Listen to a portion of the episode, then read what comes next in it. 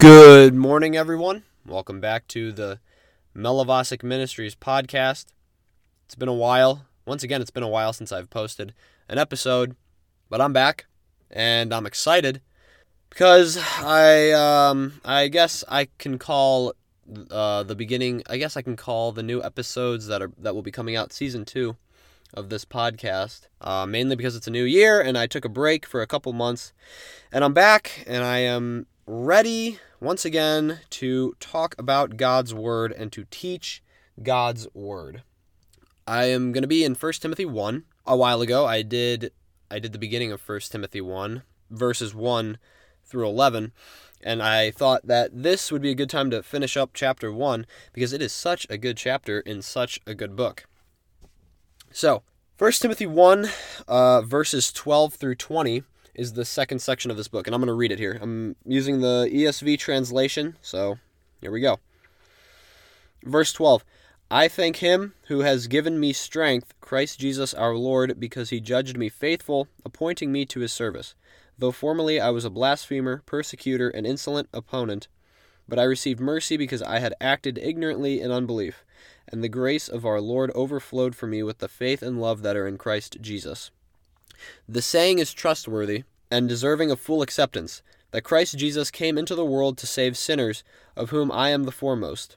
But I received mercy for this reason, that in me, as the foremost, Jesus Christ might display his perfect patience as an example to those who were to believe in him for eternal life. To the King of the ages, immortal, invisible, the only God, be honor and glory forever and ever. Amen. This charge I entrust to you, Timothy, my child, in accordance with the prophecies previously made about you, that by them you may wage the good warfare, holding faith and a good conscience. By rejecting this, some have made shipwreck of their faith, among whom are Hymenaeus and Alexander, whom I have handed over to Satan, that they may learn not to blaspheme.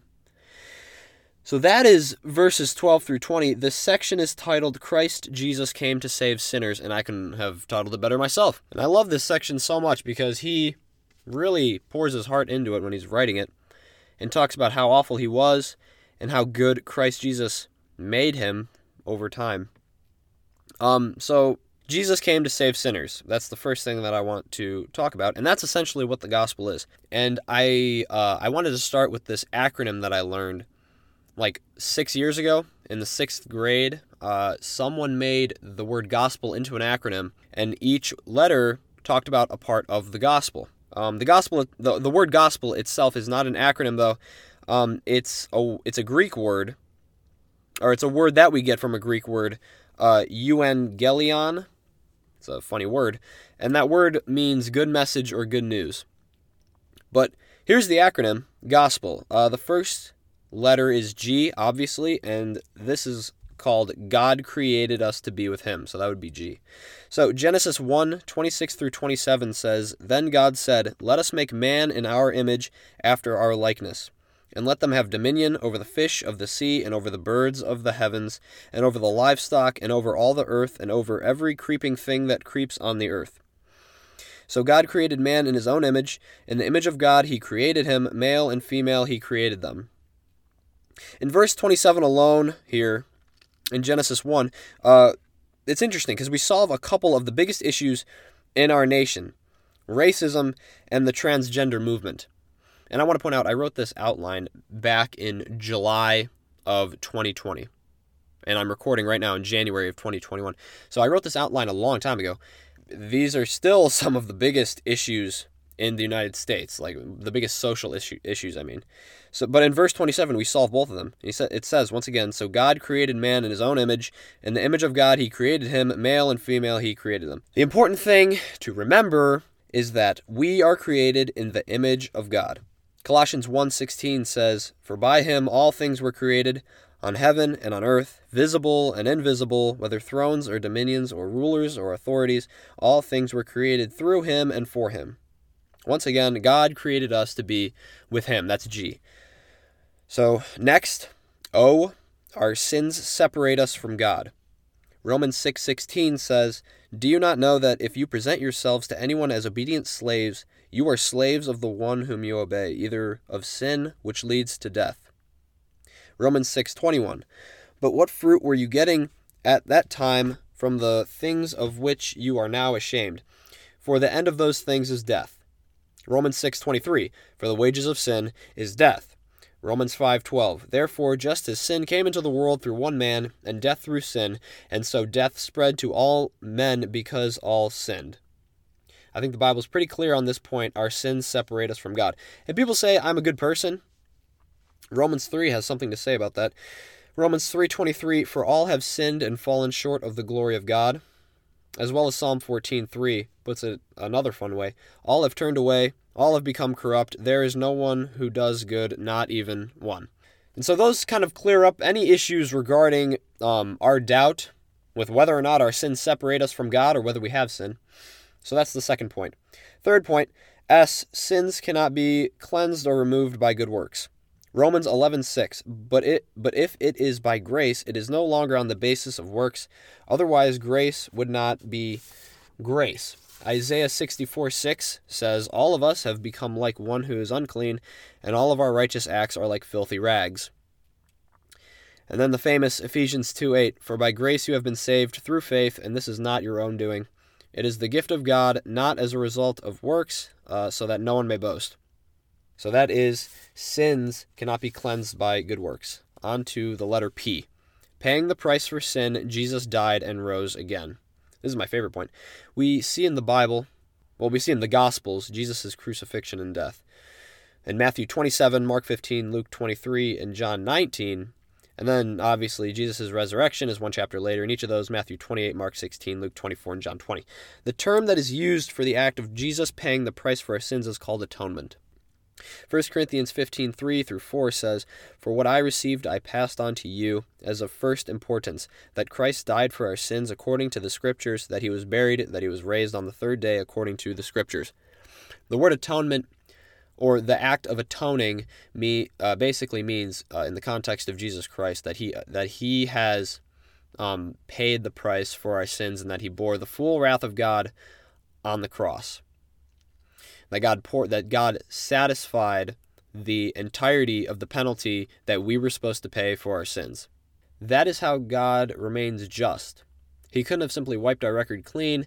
Um, he needed someone to pay the price for the sin so, because he is a just God.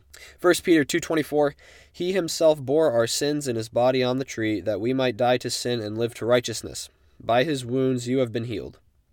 1 John 2 2 says he is the propiti- propitiation, propitiation, sorry. He is the propitiation for our sin, and not for ours only, but also for the sins of the whole world.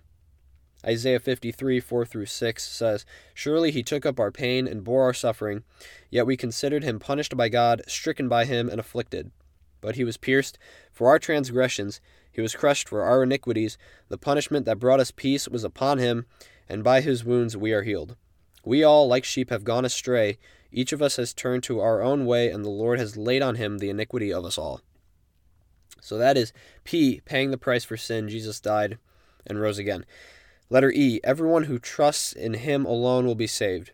Ephesians 2 8 through 9. For by grace you have been saved through faith, and this is not your own doing.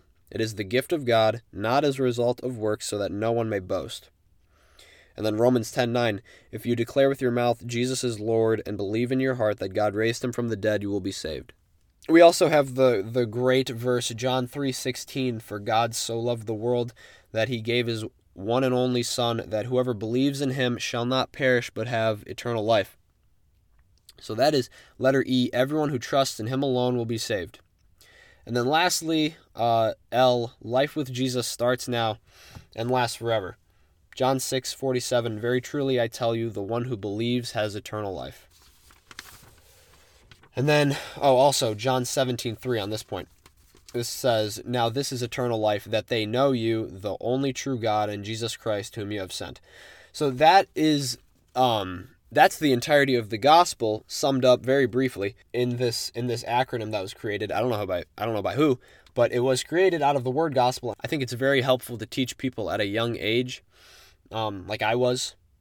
I've I've carried this around for a long time um, in my head, this acronym, because it's just a great way of describing the gospel as well as teaching it. So anyway, back to Paul's personal experience with the gospel. Once again, I go back to verse 12. He says, I thank him who has given me strength, Christ Jesus our Lord, because he judged me faithful, appointing me to his service. So this is thankfulness.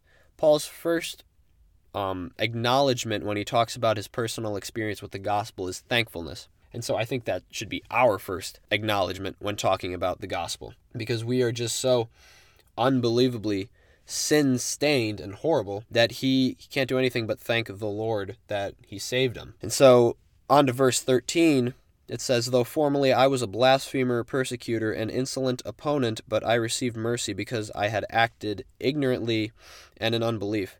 So if we go back to Philippians 3 13 through 14 says, Brothers, I do not consider that I have made it my own, but one thing I do, forgetting what lies behind and straining forward to what lies ahead. I press on toward the goal for the prize of the upward call of God in Christ Jesus. So then on to verse 15. The saying is trustworthy and deserving of full acceptance that Christ Jesus came into the world to save sinners, of whom I am the foremost. I'm going to keep going. But I received mercy for this reason, that in me, as the foremost, Jesus Christ might display his perfect patience as an example to those who were to believe in him for eternal life. To the King of the ages, immortal, invisible, the only God, be honor and glory forever and ever. Amen. So he calls himself the chief of sinners.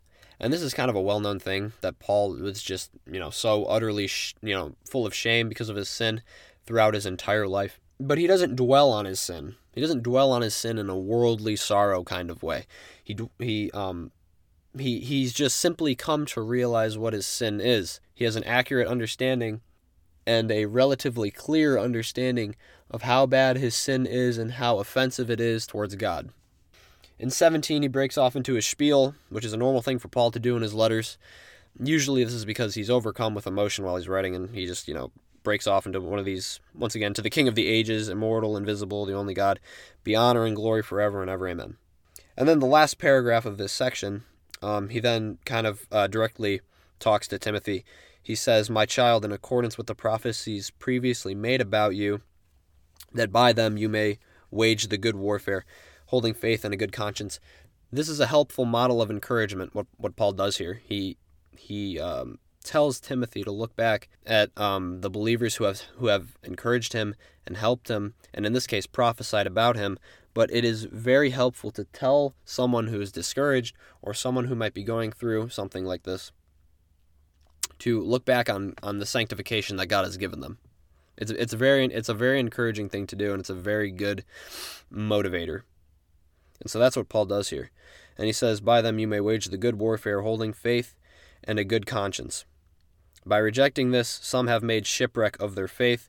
And then he brings up two guys that have done so and says that he handed them over to Satan. It's good to note that they did not reject their faith, but they rejected their good conscience. You can't reject your faith, but you can reject your conscience, and you can sear your conscience. And how do you do this? You simply do what you know you're not supposed to do the little voice in the back of your head that says, don't do that, don't commit grand theft auto, will go away after your ninth time of committing grand theft auto. And so he says Hymen- Hymenaeus and Alexander did this and he handed them over to Satan. This probably has to do with excommunication in the church. Um, that's that's probably what disciplinary action happened. They were probably excommunicated from the church, and he says he handed them over to Satan so that they may learn not to blaspheme. This is simply the act of saying, hey, yeah, you can keep doing what you're doing and the sin that you're committing that you know is wrong, and you'll learn the hard way to obey the word of the Lord. And he, he ends it with that they may learn not to blaspheme. This is a this is discipline out of love, not um, not punishment out of hatred. And so this is the uh, end of 1 Timothy 1. A great section in the Bible. Christ Jesus came to save sinners. Hearing Paul's testimony is really fantastic because he has he has quite the testimony. And so I hope this was helpful. I will see you guys in the next episode, whenever it may be. Um, I promise I won't take a three month long sabbatical once again. Um, but anyway, have a good one.